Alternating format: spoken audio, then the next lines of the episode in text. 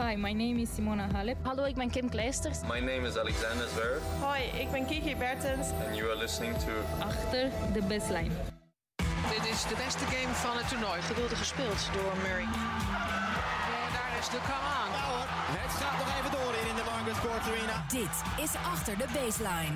De tennispodcast van Eurosport. Met Abe Kuil en David Avakian. Daniel Medvedev en Madison Keys zijn de winnaars van het grote gecombineerde ATP en WTA-toernooi van Cincinnati. Het laatste grote toernooi van de zogeheten US Open Series voordat de US Open gaat beginnen. David, jij bent er een hele week bij geweest.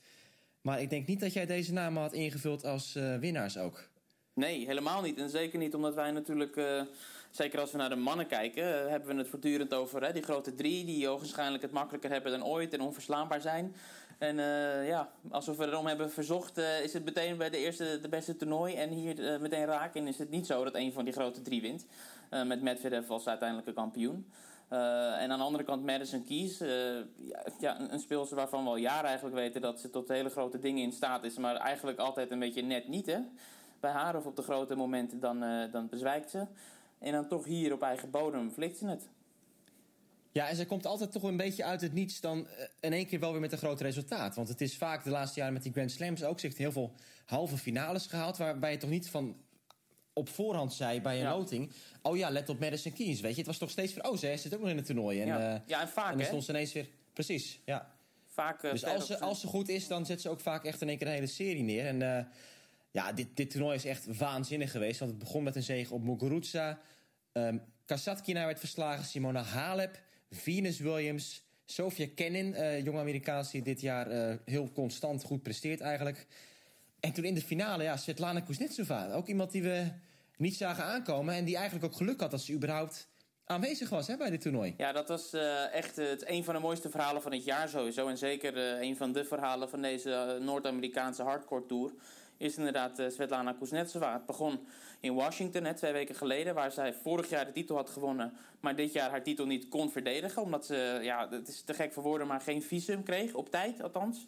Dus ja, toen zei ze, ja, sorry uh, beste fans, uh, gaf ze aan op social media. Ik kan niet afreizen simpelweg, omdat ik geen visum heb. Dus ik kan mijn punten sowieso niet verdedigen. En dat was dramatisch voor haar, want ze kelderde daarna op de, op de wereldranglijst. Tot plek 150 of zoiets, meen ik.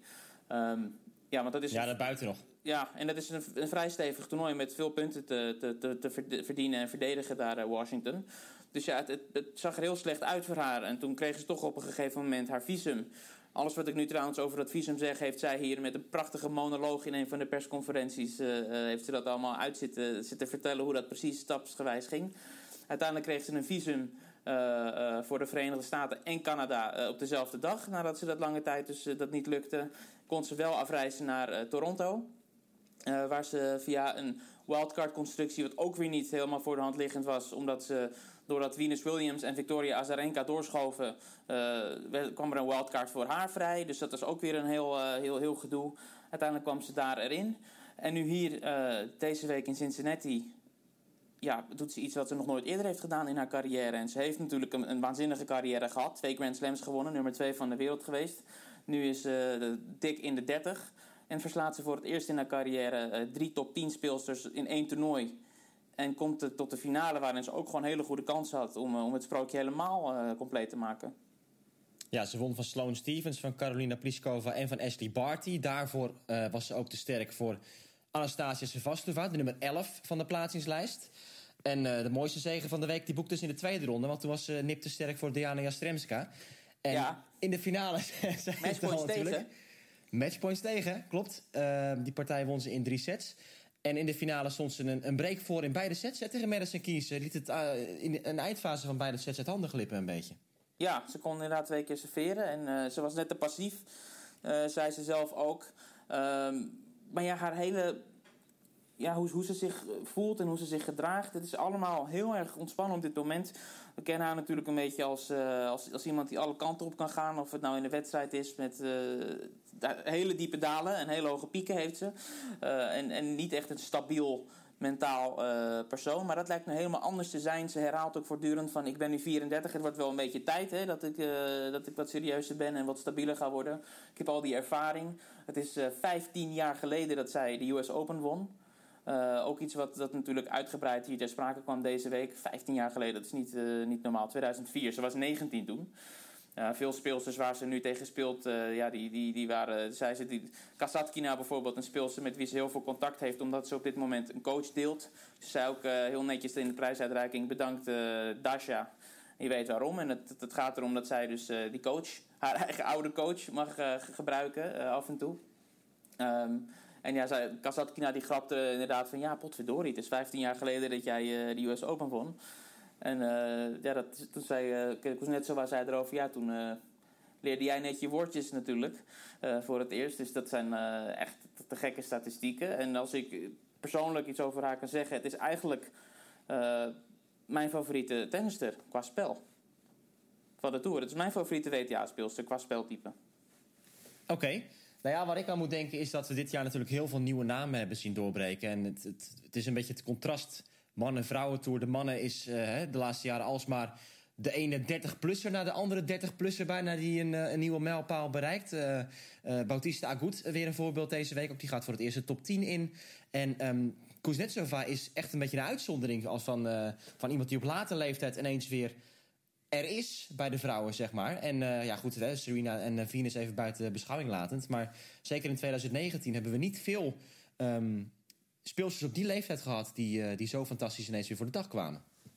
Nee, inderdaad, dat, dat, dat zeg je goed. En het is eigenlijk alles wat er nu gebeurt... Is, had net zo goed totaal niet eens ja, van toepassing kunnen zijn. Want ze heeft een aantal keer herhaald ook van... ja ik heb echt uh, momenten gehad waarop ik dacht, waarom speel ik nog? Ik kan er, bijna, ik kan er beter gewoon mee stoppen. Ook in combinatie met uh, de, dat, die rankingperikelen die ik net noemde. Ja, op een gegeven moment als je zo ver afzakt en, en natuurlijk met moeite uh, toernooi inkomt... zei ze, ja, ik, ik weet niet eens of ik nog verder ga spelen. En toen viel het dus allemaal precies goed. En, ja, want als ze dat visum niet had gekregen, dan had ze ook echt nog getwijfeld. Hè? Dan was zeker, het ook een puntje ja, ja. geweest van, Ja. goh, ga ik dan misschien... Want dan zou ze dus niet naar Amerika zijn geweest. Ga ik dan in China weer proberen om die ranking op te bouwen? Hè? Of, of hak ik gewoon een knoop door en zeg van ik kap er gewoon mee. Ja, en het, het kan zo lopen. Nu heeft ze hier de finale gehaald en staat ze 62. Tja, ongelooflijk. niet- en als ze had gewonnen, had ze de top 50 zelfs in, eh, ingeknald. Dus het, het is, ja... Tennis is eh, een grappige sport. Ja, en het geeft ook maar weer aan dus wat er op de achtergrond vaak eh, speelt met spelers, speelsters waar je dus nauwelijks weet van hebt als tennisfan. Hè? De Kuznetsova die met, die met die visa in de weer was, wat natuurlijk voor veel afleiding heeft gezorgd. En zo zijn er vaak allerlei eh, randzaken, ook op administratief of organisatorisch vlak. ehm, die het allemaal moeilijk maken voor een, eh, voor een tennisser om alles goed op orde te houden. Maar genoeg even over de Kuznetsova, want ik wil even teruggaan naar het begin van het toernooi. Wij namen onze podcast op toen jij net naar de wedstrijd wilde gaan van Kiki Bertens tegen Venus Williams. En dat ging eigenlijk gelijk mis. Dus dat was natuurlijk wel zonde. Eh, Venus Williams won die wedstrijd in een tiebreak. Derde set. David, wat kan jij zeggen over eh, Kiki Bertens deze week? Dat ze natuurlijk haar titel is kwijtgeraakt. Was dat een klap, die nederlaag? Hoe heeft ze dat ehm, eh, verwerkt? Althans, Ja. zo kort na de wedstrijd.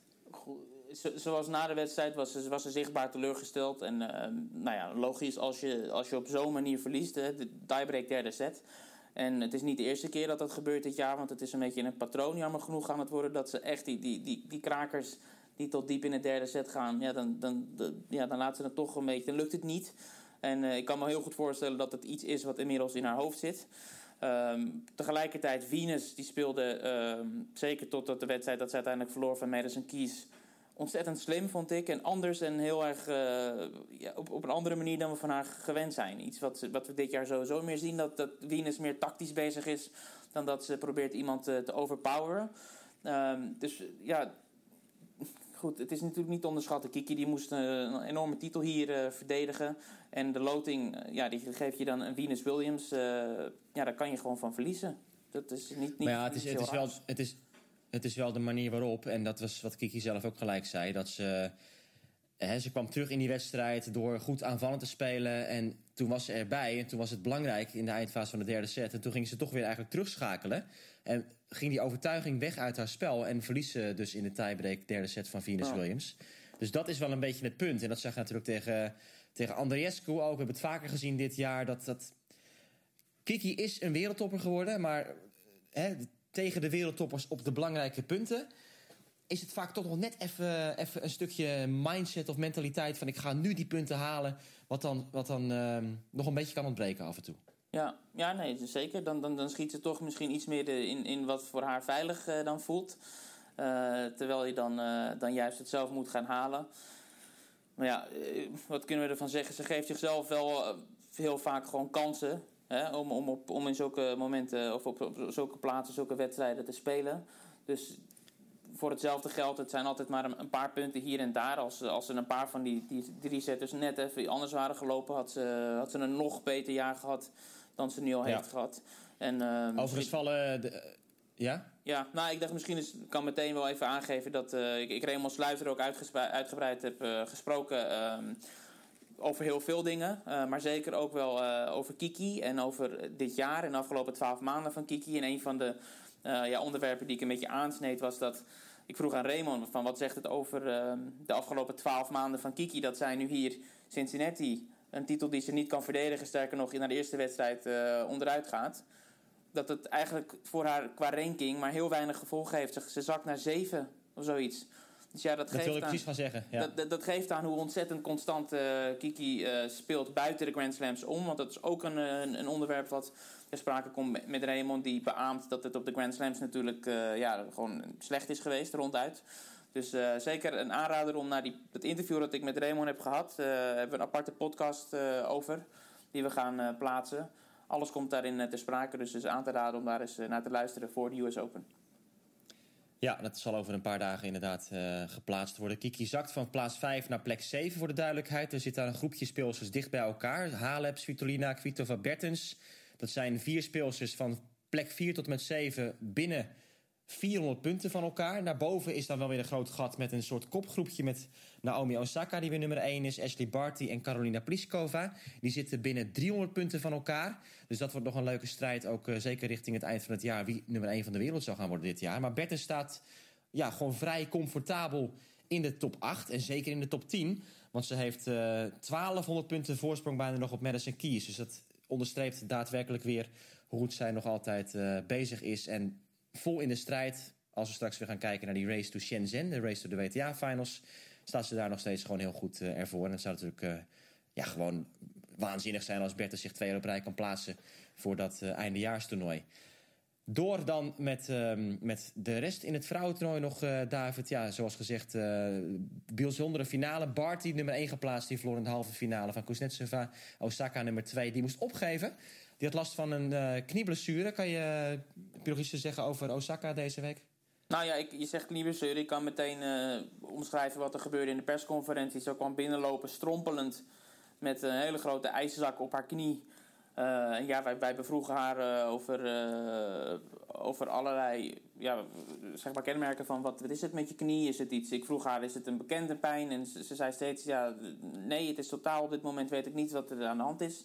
Ik weet niet wat ik ga doen. Ga ik hier uh, daarnaar kijken? Ga ik naar New York meteen? Uh, ze was een beetje giechelig zoals altijd. Uh, zelfs op zo'n crisismoment. ze gaf wel aan dat ze wat bezorgd is. Dat ze zo vlak voor de US Open, toernooi dat ze vorig jaar natuurlijk won... Um, ja, eigenlijk een beetje in de gevarenzone zit. Dus het is interessant om, om, om te zien of, of dat echt iets serieus is. Want het, het leek best wel ernstig als je het mij vraagt. Ja, dus het is afwachten of zij uh, kan gaan spelen überhaupt bij die ja. US Open. Dat zou ja. natuurlijk wel heel sneu zijn voor het toernooi... als de titelverdedigster daar niet meedoet. Ja. Ik wil um, met de mannen beginnen, David. Ja. Met uh, allerlei interessante verhalen die er aankomen straks uh, van jou, volgens mij. We hebben natuurlijk in de, de persconferentie... of in de, in de podcast vorige keer... al heel wat aandacht gegeven aan Nick Kyrgios. Maar dames en heren, let u op. David heeft deze week heel wat meegemaakt met, uh, met Nick Kyrgios. En zeker zijn entourage ook. We hebben het verhaal natuurlijk uh, breed uitgezien in de media, ook in Nederland. De boete van Nick Kyrgios, althans het is een hele waslijst aan boetes... bij elkaar goed voor 113.000 dollar. Al die misdragingen van, uh, van Kyrgios... Daar zat jij bij, David. Sterker nog, jij zat helemaal vooraan op de eerste rij. Niet achter de baseline, maar wel uh, ter hoogte van de baseline zo'n beetje, geloof ik. Hè? En jij kon alles meemaken wat er werd gezegd, wat er werd gedaan door Nick Kyrgios. Uh, afijn, ja, hoe was dat? Wat, wat, wat was het allemaal voor een bizarre avond? Hoe heb jij dat nou, beleefd? Nou, het is, het is sowieso een, een, een, unieke ervaring om, om zoiets mee te maken vanaf die positie. En niet alleen voor mij. Dame achter mij eh, in het publiek die zei: Dit is voor mij een, een bucketlist ervaring. Dat ik Nick Kyrgios een keer live kan zien. En dan komen we eigenlijk weer terecht in die discussies van: ja, wat, wat moeten we nou met, uh, met Kyrgios? Zijn we blij mee dat hij er is? Is dat goed voor tennis? Is dat slecht voor tennis? Maar ja, als zo'n lieve mevrouw in het publiek ja, daar zo'n gevoel bij kan hebben, ja, dan kan ik me voorstellen dat meerdere dat hebben. Dus het is, het is in ieder geval iemand die, die, die, die van alles teweeg brengt. En ik heb dat dus van dichtbij gezien. Even heel kort. Het was de wedstrijd in de tweede ronde tegen Karen Gatjanov. Kyrgios verloor die partij met 6-7, 7-6 en 6-2 van de nummer 8 van de plaatsingslijst. Avondpartij. En, ja, een avondpartij. En het was nou ja, een onvergetelijke avond. Ja, goed, Kyrgios ging ontzettend tekeer tegen, tegen umpire Fergus Murphy. allerlei gesprekken probeerde hij aan te knopen met hem. Hij was het niet eens met de manier waarop uh, ja, het, zeg maar zijn uh, tijdmanagement uh, werd, werd gedaan. In die zin dat hij werd opgejaagd, vond hij. Het is niet dat hij een, een, een, waarschuwing kreeg voordat hij over de tijd ging. Maar het was meer dat hij vond dat op het moment dat hij aan de beurt was met serveren... werd de klok veel eerder ingestart dan normaal het, geval is. En dat, daar vroeg hij waarom, waarom is dat? En hij trok zoals gewoonlijk de vergelijking met Nadal. Hè? Dat is zijn favoriete ding, iets om te doen. Dan zegt hij ja, Nadal die is veel langzamer en ik kom nooit in de problemen hiermee. En ga maar kijken, ga maar kijken. En ben ik nu snel genoeg? Het was één groot circus. En ja, wat het nog bijzonderder maakte inderdaad was dat ik op die eerste rij zat. En het toeval wil dat wij uh, in hetzelfde hotel verbleven, uh, hier uh, in Cincinnati. En ik hem dus al vrij vaak had gezien in de avonduren, terwijl ik met, met collega's nog voor het slapen gaan een drankje deed in de, in de lobby. was ook Nick Kyrgios daar vaak te zien. En um, ja, goed, ik, ik, ik zal er niet heel veel over zeggen, maar er, er, was een moment dat wij een spelletje aan het spelen waren. En dat, dat, ja, dat ving hij op uh, vanuit zijn ooghoek. En hij kwam even kijken wat wij voor, voor spelletje aan het doen waren. En uh, hij vond het heel leuk. En hij zei, oh, het zou leuk zijn om dat ook een keer, een keer te doen. Nou, dat, wat was het voor spelletje dan? Nou, dat is een Cine Links heet dat. En ik en een aantal collega's van mij die zijn ontzettend filmfreaks. En de, de, bedoeling van het spelletje is dan dat je met verschillende kaarten waarop acteurs, regisseurs, films, quotes, alles wat met film te maken heeft, dat moet je dan aan elkaar zien te linken. En, en hij gaf aan dat hij ook een ontzettende uh, filmfreak is en dat hij dat ook best wel goed zou kunnen. Nou ja, op dat moment lukte dat niet. Maar ja, wij, wij koesterden de hoop natuurlijk dat het op een gegeven moment wel op een avond zou lukken dat hij komt, komt. En ehm, ja, bijna zou het gebeuren. En, en, hij kondigde het aan midden in die wedstrijd. Verdorie, want hij zag ons zitten dus op die eerste rij. En hij, ja, dat was in die derde set, terwijl echt het, het hele stadion al in vuur en vlam stond. Hij al de ene naar de andere scheldpartij had gehad. Toen, uh, toen keek hij naar ons en toen zei hij iets uh, in de zin van... Uh, jullie gaan nu de snelste tank in de geschiedenis van de tennis zien. En ik ga vanavond een spelletje met jullie komen spelen. dus dat was, dat was een, ja, een krankzinnig moment om te, om te zien dat dat op, op, op zo'n podium... dat die man daarmee bezig is. maar ja, goed, uiteindelijk... hij verloor die wedstrijd. Hij tankte hem overigens helemaal niet weg, hoor. Hij zei dat wel, maar hij speelde gewoon. Tot het laatste moment probeerde hij dat uit te spelen. En ehm, ja goed, we hebben hem toen in de avond nog wel gezien, maar helaas uh, had hij andere plannen dan een spelletje spelen met, uh, met een stel journalisten. Oké, okay, dus dat was een, uh, een bewogen week wat, wat Nick Kyrgios betreft. Ja, ja, allerlei dingen natuurlijk, wat, wat er gebeurde in die wedstrijd. Laten we het even kort samenvatten. Kyrgios die ging op een gegeven moment onaag... Of hij zei, ik ga naar de wc toe. Hij liep met twee rackets in zijn hand, liep hij de kleedkamer... of liep hij de, de, de baan af...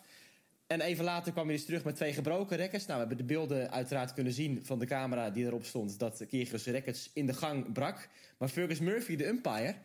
Ja, die zag dat natuurlijk niet. En, en Kyrgios kwam terug de baan op. En Fergus Murphy die gaat aan zijn, uh, met de referee zeggen, overleggen.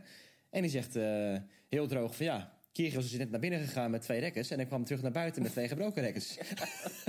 wat moet ik doen? ja, wat moet, wat moet ik doen? En... Uh, goed, kijk, we kunnen er een beetje om lachen, maar er zijn laten we eerlijk zijn, Kyrgios is natuurlijk ook gewoon echt over de, de grens gegaan. Ja, uh, hij, maakte een, hij maakte een, een, een spuugactie naar, uh, naar Fergus Murphy. Nou ja, het is... Nou ja, en, en, en, en een grove belediging erachteraan. Ja, en zo ja. was er van alles en nog wat. En ja. die recordboetes uh, zijn er natuurlijk niet voor niks gekomen voor hem. Het is nu zeer de vraag is... of hij een, een schorsing gaat krijgen, hè? Ja, ik, ik, ik wil nog wel één ding zeggen over die boetes, hoor. Want ik vond het wel vreemd wat daar gebeurde, want het klopte gewoon niet. Dat, dus als je dat in een, in een rechtbank dat zou bepleiten, dan, dan, dan zijn die boetes, dat zou allemaal afgekeurd worden. Want wat, we kregen in de een lijst hè, waarop die 113.000 stond. Met allemaal van die subkopjes van ja, waar dat bedrag dan uit bestaat. En er stonden allerlei dingen op die niet tijdens de wedstrijd door Fergus Murphy met een code violation werden aangegeven. Dus dan is de vraag: je hebt dus de kans gehad om al die, uh, al die code violations uh, uit te spreken. Heb je niet gedaan? Waarom heb je dat niet gedaan? En dan ga je achteraf, nadat iets gebeurd is, ga je dat toevoegen. Nou, dat is, dat is, in juridisch opzicht is dat... Uh, goed, het, zal niet zo ver komen dat dit allemaal aangevochten wordt... omdat er geen spelersvakbond of dergelijke is. Iedereen is hier voor zichzelf.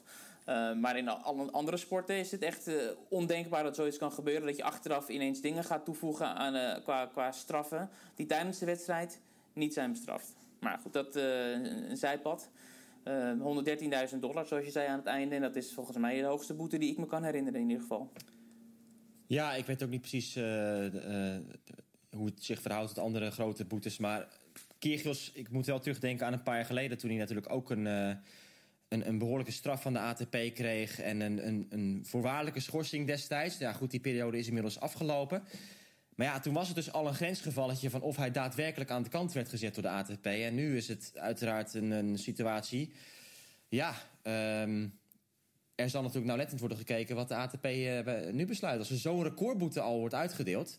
ja, dan zou je ook haast denken terugdenkend aan die vorige keer met die, met die voorwaardelijke schorsing die er aan werd gehangen. Nou, dan is de kans natuurlijk groter op papier dat er nu ook echt een schorsing bij komt. Nou, of of ze hebben uh, juist die hoge boete gegeven om, om hem geen schorsing te geven. Ja. Dus ja, het, het, ik weet het niet. We gaan het zien. En sowieso is voor de goede orde wel belangrijk om uh, even te noemen dat mocht er een schorsing komen, dan geldt dat alleen voor ATP. En dan kan hij gewoon Grand Slam spelen en uh, naar de ATP Cup dan niet aan het eind van het jaar. Um, maar ja, de Grand Slam zou hij, de US Open is in ieder geval niet in gevaar voor hem. Laten we het daarop houden. Nee. Nee, en er zal voor die tijd ook nog wel uit, geen uitspraak komen, uh, denk ik, door de ATP. Maar goed, dat gaan we allemaal afwachten. Het mannentoernooi heeft uh, heel veel andere bijzondere dingen opgeleverd. Uh, de rentree van Andy Murray natuurlijk in de vorige podcast ook al besproken... want die uitslag was toen al bekend. Maar Novak Djokovic en Roger Federer hebben allebei niet de finale gehaald in Cincinnati. Vorig jaar was dat de finale. Toen was het het historische moment voor Djokovic... die de eerste speler werd met alle Masters-titels achter zijn naam. Cincinnati was de laatste ontbrekende titel. Hij verloor van Daniel Medvedev. Daar komen we straks op terug. Eerst even Roger Federer, David. Want die verloor van een andere Rus, Andrei Rublev. Ja, en hoe? Het was de, de snelste nederlaag voor Federer sinds 2003... Binnen 62 minuten werd hij door, uh, door de jonge jongen, ook uh, een van de next-gen spelers, ja, eigenlijk uh, ja, gewoon weggespeeld. hij speelde zelf natuurlijk, moeten we erbij zeggen, niet goed.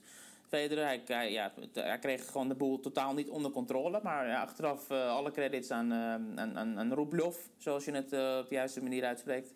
Uh, hij zei, ja, hij nam het racket uit mijn hand. En dat, ja, dat kan hij zeker op zo'n snelle baan. Maar het moeilijk is de bal uh, te controleren. Dat is overigens iets wat veel spelers deze week hebben gezegd. Het is heel moeilijk om hier de bal onder controle te krijgen. Of het nou aan de snelheid van de baan ligt of de ballen of een combinatie daarvan. Um, en hij zegt, ja, als hij zo speelt en zo serveert en zo retourneert... Ja, dan, uh, dan heb je af en toe gewoon het nakijken. En ja, goed, dat, dat, dat tekent de, de klasse van, van, van Rublev als hij dat kan tegen Federer dat hij dus degene is die het initiatief in hand heeft en, en niet weggeeft. Uh, ja, ontzettend, uh, ontzettend knap. En daarvoor uh, versloeg hij Wawrinka, niet te vergeten. Dus dat is een mooie combinatie van overwinningen voor, uh, voor de jonge Rus. Um, ja, en dat na, na veel blessure, leed ook voor hem. Dus het is een prachtige comeback. En voor het eerst dat hij het zo, zo goed doet op zo'n groot toernooi. Ja, en hij sloeg maar zes onnodige fouten, als ik ja. me goed herinner, tegen, tegen Federer. Dus dat was natuurlijk heel, ja. heel bijzonder. Wat ik, wat ik een beetje ook zag of leek te zien, was dat... Um, het was natuurlijk een dagwedstrijd. En goed, het is warm geweest in Cincinnati. Uh, ik, ik moest een beetje terugdenken. Goed, het was veel extremer daar in New York. Maar Federer oogde wel een beetje alsof hij last van de hitte had. Vond ik een beetje. Een beetje zo'n... Uh, ja, zo'n rode kop kreeg hij. En dat hij misschien toch ook met de leeftijd dat het moeilijker en moeilijker voor hem wordt om in echt deze omstandigheden te pieken. We zagen natuurlijk tegen John Millman vorig jaar dat het misging op de US Open in een avondwedstrijd. En ik vond dat, dat Rublev daar ja, een stuk frisser mee omging dan, dan Federer. Ja, maar kan. Ik heb, het, ik heb het in het stadion gezien, dus ik heb niet zozeer ja, die... Dat is nee. toch het, groot, het grote verschil, hè? dat je niet die gezichtsuitdrukkingen ziet en zeker niet de kleur van het hoofd. Ehm, dus, dus dat kan ik niet beoordelen. Maar als jij dat zegt, dan uh, ja, goed, dat, dat, dat, dat, geloof ik. Maar tegelijkertijd is, is, is ja, Federer in de hitte. Alles gaat nog sneller, iets wat hij graag heeft. Dus normaal gesproken weet hij dat het wel uh, gewoon snel zo'n klus te klaren. Ook al is het in de hitte. En dat hij gewoon, omdat een wedstrijd nooit al te lang duurt zeg maar niet in, in, in die zone, gevarenzone komt, dat de hitte echt een invloed op, op hem kan hebben. Maar ja, dat lukte nu dus totaal niet. En hij werd zelf gewoon binnen een uurtje weggetikt. Ja, maar toch, het is net een paar procent handelingssnelheid misschien, waardoor het ook... Uh, ik bedoel, je wordt ouder en dan slaat hem toch ook iets makkelijker op je benen, die, uh, die warmte. Ja. Maar um, ja, goed, dus Federer uitgeschakeld. Dat was uh, een wedstrijd in de derde ronde. Um, Rublev verloor toen van Daniel Medvedev. En zo gaan we het bruggetje maken naar de kampioen. Want het is natuurlijk echt niet te geloven wat er is gebeurd. Het is, het is, in deze tijd zien we het nauwelijks meer gebeuren dat spelers... Nou ja, twee weken op rij goed spelen, dat gebeurt nog wel. Maar drie weken achter elkaar en dus in die zware omstandigheden in Washington, in Canada, nu in Cincinnati, gewoon non-stop goed zijn. En Daniel Medvedev was non-stop goed. Hij heeft heel veel partijen in straight sets gewonnen. Hij verloor de finale in Washington van Kyrgios. Hij werd wel weggeblazen door Nadal in Montreal vorige week. Maar dan toch gewoon deze week in Cincinnati er weer staan. En de ene fantastische zegen na de andere. Ja, het is echt een machine. Uh, hij wordt wel moe overigens, dat, uh, dat, dat geeft hij elke keer aan. En maar het, ja, hoe moet ik het omschrijven? Het is enerzijds een machine, maar ook, ik denk, van de jonge jongens te spelen met het, het beste tactische besef. Wat je moet doen op welk moment. Hij, omdat hij moe werd, gaf hij aan, moest hij dus op een andere manier gaan spelen. Hij moest agressiever gaan spelen. Tegen Djokovic zagen we het. Hij zei, ja, ik was op een moment aanbeland dat ik eigenlijk niet meer kon. En niks, mijn tweede service werkte niet. Ik werd continu afgestraft op mijn tweede service. Ja, dan kan ik daarmee blijven doorgaan. Of ik kan het roer omgooien. Ja, en dat deed hij op een uh, bizarre manier eigenlijk. Door gewoon zijn tweede service als zijn eerste service te gaan slaan. En, ja, en dat, beslo dat besloot hij op 3, 4, 30 gelijk tweede set. Ja. Toen zei hij van, uh, nou ja, weet je, ik, ik, ik kan dus nu op 7 spelen, dan ga ik het punt verliezen. Ja. Dus hij had wel de helderheid van geest, op dat moment ook nog... om dus zo na te denken en te beslissen van... oké, okay, ik weeg het tegen elkaar af.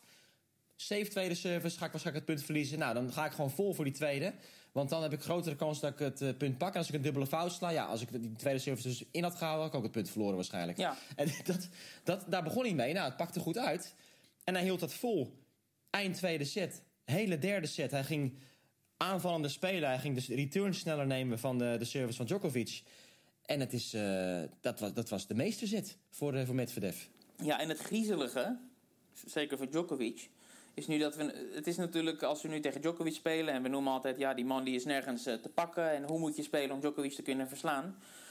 En Medvedev heeft nu eigenlijk op twee compleet verschillende manieren. Djokovic een keer verslagen. Hij heeft, hij heeft in Monte Carlo dit jaar van hem gewonnen. Door hem gewoon ja, kapot te rallyen. Iets wat ondenkbaar lijkt tegen Djokovic. Door hem gewoon in de rally uh, ja, sterker te zijn en het langer vol te houden. Iets wat we in Australië eerder dit jaar ook al zagen. Hij was de eerste enige, of de enige test eigenlijk in het hele toernooi. Uh, de enige die een set ook van hem uh, wist af te stoppen, ja. geloof ik. Door die lange rallies met hem aan te gaan en eigenlijk vaster te zijn. Nou, op Monte Carlo won hij op die manier van, hem, van, uh, van Djokovic. Ja, in Australië had, had hij nog niet het uithoudingsvermogen om het, om het nee. vol te houden. Dat was dat net een stapje te ver. Maar dat dat, dus, daar zag je... Ja, ja, Op een totaal andere manier. Door, door, door meer die aanval te kiezen. Dus ja, echt uh, petje af. Als, als hij die helderheid van geest die hij noemt. En uh, in combinatie met, met ja, die, die, die, die tactische aanpassingen. En, en gewoon die vastheid van hem en die fitheid. Ja, dan is dit uh, echt, echt een serieuze om rekening mee te houden. Omdat hij niet leunt op, op een bepaalde slag, op een voorhand die per se goed moet lopen. Het is gewoon algemeen gewoon een geoliede machine. Het einde van die finale was trouwens wel echt krankzinnig. Want um, in de tweede set had Medvedev niet één punt verloren op eigen service. Hij ging serveren voor de winst op 5-4. Komt dan 15-40 achter. Tweede service. En toen was het gewoon... Uh, ja, uh, John Isner stond op in Daniel Medvedev. het, het was... Hij sloot af met drie op één volgende aces. Die tweede service uh, op 15-40 ook, ook hard naar buiten. Um, en ja, Wat was het, iedereen was perplex. Een, een, een winnende service op zijn tweede. En toen ja. drie aces hè, achter elkaar was het. Ja, ja. ja. En toen was het afgelopen. Ja. En zo pak je eerst de Masters titel. Ja. en hij kwam net, hij kwam net binnen. En ik, uh, ik pakte maar meteen die microfoon ik open. Want, want toen hij won, was eigenlijk best ingetogen, hè? Want je verwacht de eerste... Absoluut. dus, dus mijn eerste vraag aan hem was gelijk van... Was je te moe om, om serieus uh, ja, dat te vieren? Dat je, want je was zo ingetogen. Zei ja, dat is precies wat er, uh, wat er gebeurde. Ik, had echt, ik heb geen energie meer. Ik had ongelofelijke kramp. Ik heb op dit moment kramp, zei hij. Want hij was ook... Tijdens de beantwoording greep hij de hele tijd naar zijn been. Want hij, hij, hij, kon, hij kon gewoon niet meer. Dus, dus hij zei... Ik, ja, ik moest... Ik moest gewoon daarvoor gaan op die manier. En uh, ja, het, lukt de hele week. Ik hoop dat het iets is dat, dat gewoon de rest van mijn carrière zo kan blijven. Dat ik uh, dit op kan brengen op de momenten dat ik het nodig heb. Um, ja, het, het... Nou ja, en om daarop in te haken. Hij zei ook in die halve finale tegen Djokovic na afloop. Toen, toen in het begin van de wedstrijd verloor hij een paar keer een lange rally. En hij zei van ja, ik dacht eigenlijk toen al in die eerste set... na, na een lange rally, na elke lange rally... ik ga nu omvallen. Het is afgelopen. Ja. en dat maakt het dus extra bijzonder dat hij dus in de eerste set tegen Djokovic zich al zo voelde. En dat hij dan, hij verliest die set. En dat hij toch die partij nog naar zich toe trekt. Ik vind het echt een. Uh, ja, dit is een van de prestaties van 2019, wat mij betreft. Van, uh, ja. van Daniel Medvedev. En hij is vorige maand doorgebroken in de top 10. Hij wordt nu top 5. Tja. Nou, dat, uh, dat, dat positioneert hem dus bijna direct nu achter de grote drie. Wat ook, ja, gezien het momentum wel terecht is straks uh, voorafgaand aan de US Open. En het, ja. ik zei het ook, ik heb het verslag net gedaan bij die finale. Het is natuurlijk allemaal prachtig. Djokovic, Federer, Nadal, wat ze allemaal hebben gedaan weer dit jaar. Maar het is ook wel even lekker dat we nu naar de US Open toe gaan. Met toch even een twist ja, van een nieuw zeker. verhaal bij de, bij de mannen. Hè? Toch even een soort andere invalshoek om, uh, om ons op te En- verheugen. en- En, uh, ja, dat is dus Medvedev. En Djokovic met zijn elleboog zat hij een beetje te knoeien op een gegeven moment ook. Ja. Dus, dus, dus, en, en Federer die maar één wedstrijd heeft gespeeld voor de US Open eh, op hardcourt in, in aanloop. Eh, Nadal die dan wel, ehm, hoe heet het, heeft gewonnen, Montreal heeft gewonnen. Zonder eh, ja, echt, echt eh, eh, in de problemen te komen. Maar dan nu deze week weer niet heeft gespeeld. Dus het is, niks is inderdaad eh, overduidelijk op dit moment.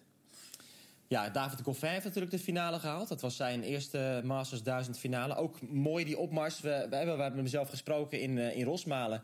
Waar hij toen eigenlijk qua ranking op zijn grootste dip zat. Want toen uh, had hij zijn laagste ranking sinds 2014, plaats 33. Maar toen was hij toch heel positief, hè, David, tegen ons uh, in, in gesprek. Van ja, maar weet je, ik merk mijn vorm komt weer terug. Ik heb er alle vertrouwen in dat mijn resultaten nu beter worden. Mijn ranking interesseert me nu niet. En Warempel, hij gaat vervolgens uh, echt fantastisch spelen. Finale Ja. Halle, kwartfinale Wimbledon gehaald. Nou ja, nu goed gespeeld op de hardcourts. En hij staat in de top 15 weer. Dus het gaat allemaal weer de goede kant op Zeker. met, uh, met David Goffin. Hij had trouwens wel een gunstige loting. Want hij heeft niet één geplaatste speler hoeven verslaan Ja. op weg naar de finale. Ik, Dus dat zat uh, natuurlijk wel mee. Plus ook een walkover nog, omdat uh, Ja. Yoshihito Nishioka moest opgeven vanwege voedselvergiftiging in de kwartfinale. Die had daarvoor van uh, Nishikori gewonnen, ja. Nishioka. En uh, jij wil heel wat ja, iets zeggen, ja, Merk. ik, ik, ik, we hadden hem net in de persconferentie. En, eh, ja, toen ik de vraag stelde, had, ik, ik dacht ik al, het kan een beetje eh, bot overkomen misschien. Maar ik, ik vroeg me gewoon rechtstreeks van... Zie je dit niet als een enorme gemiste kans? Want normaal gesproken, als je een- een Masters toernooi wil winnen... dan moet je tenminste één van die grote drie gasten verslaan. En eh, je hoefde er nu nul te verslaan en het is niet gelukt. dat was een beetje de vraag. Dus dat, hij zei ook, eh, ik merkte aan hem dat hij, dat hij dat goed besefte.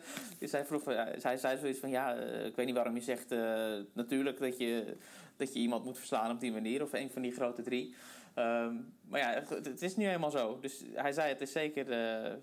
uiteindelijk gaf hij het wel toe dat het een gemiste kans is. En dat is ook zo in deze tijd. Ja, ik wil nog wel even de prestatie noemen van Richard Gasquet. Want ik heb echt, uh, echt genoten van, van Ja. de Fransman deze week in die partij tegen Bautista Agut in de kwartfinale. Ja, ik, ik, ik heb het ook gezegd en ik, ik zit te kijken naar Gasquet... en het lijkt wel alsof die, die man gewoon uh, helemaal veranderd is in zijn hoofd. Want hij heeft altijd natuurlijk door zijn carrière heen... zoveel kritiek gehad van de Fransen van... hij straalt geen vechtlust uit en, en, en, en negatief en uh, dat, pff, dat geblaas altijd als het even, even Ja. niet gaat.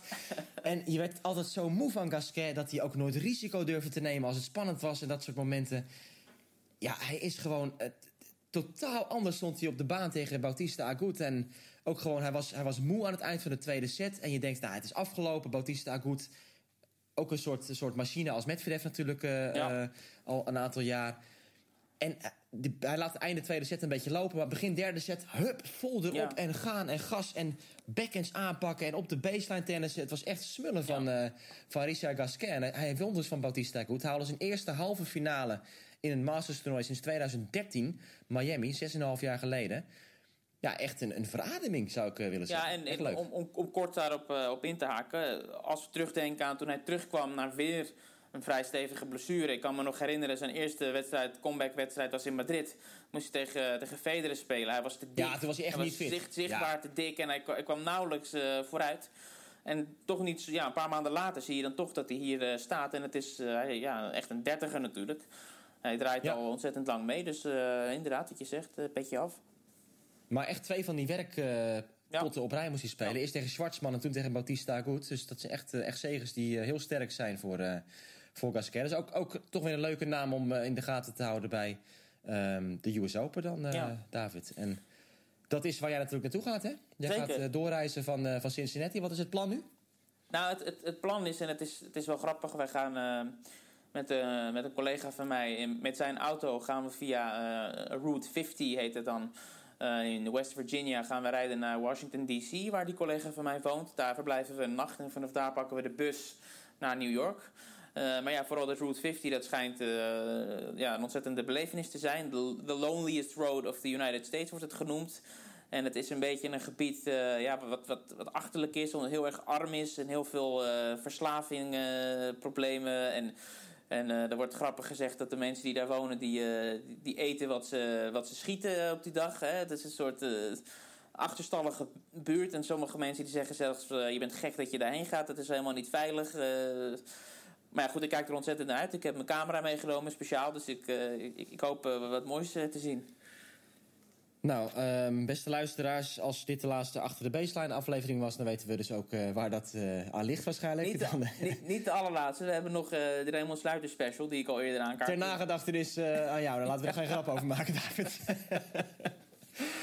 nee, goed. Het was een, eh, een bewogen weekje in Cincinnati. Zijn er nog verhalen die we gemist hebben? Nog anekdotes uit, uit de perszaal of iets dergelijks eh, om mee af te ja, dat sluiten? heb ik niet voorbereid. Maar er is... eh nou, ik, ik, Kuznetsova was, om, om terug te gaan naar het begin... was elke persconferentie weer een verademing. En zij is hartstikke eerlijk en open en grappig. En ook natuurlijk die zware stem en het, dat zware Russische accent wat ze heeft... is altijd garantie voor... voor iets leuks. Venus Williams die was eh, opgebloeid en die, eh, die had wat, wat, wat prachtige, eh, grappige momenten ook. Die zei: Ik heb helemaal geen, geen besef wat er op die ATP toen allemaal gebeurt. Ik, ik, ik heb twee bedrijven die ik run. Ik ben nog aan het tennissen. Ik, ik wens heel veel sterkte. Uh, zij is op een hele, hele ja, ongeïnteresseerde manier, want dat boeit haar totaal niet wat uh, met die jongens aan de hand is. Uh, ja, hoe verder. Ja, van alles. Het is gewoon een heel mooi toernooi. Laat ik het gewoon daarmee uh, mee afsluiten. En zeker een plek waar ik graag naar terug zal keren in de toekomst. Goed, we gaan uh, omschakelen naar New York. Morgen dan, of ik zeg morgen, ja, we nemen het op gelijk na de finale dag hier op Cincinnati. Maar de komende week staat, uh, ja, zeg ik het weer verkeerd. Deze week staat eigenlijk al in het teken. in dat deze aflevering wordt gepubliceerd. Van de kwalificaties voor de US Open. Die worden ook live uitgezonden op Eurosport. David die gaat dus uh, via een interessante route proberen om daar ook aan te komen in New York. Wij zullen dan ook weer podcasts opnemen. Straks natuurlijk als het daar echt losgaat. Na de loting zullen we het toernooi vooruitblikken. Maar daarvoor hebben we ook nog de special met Raymond Sluiter... die dus afgelopen week is opgenomen in Cincinnati. Kortom, er is weer veel dat eraan zit te komen wat achter de baseline betreft. Dit was Cincinnati. Dit was uh, David vooral vanuit Cincinnati. Ik sluit hem af en ik zeg uh, graag ook namens David tot gauw weer.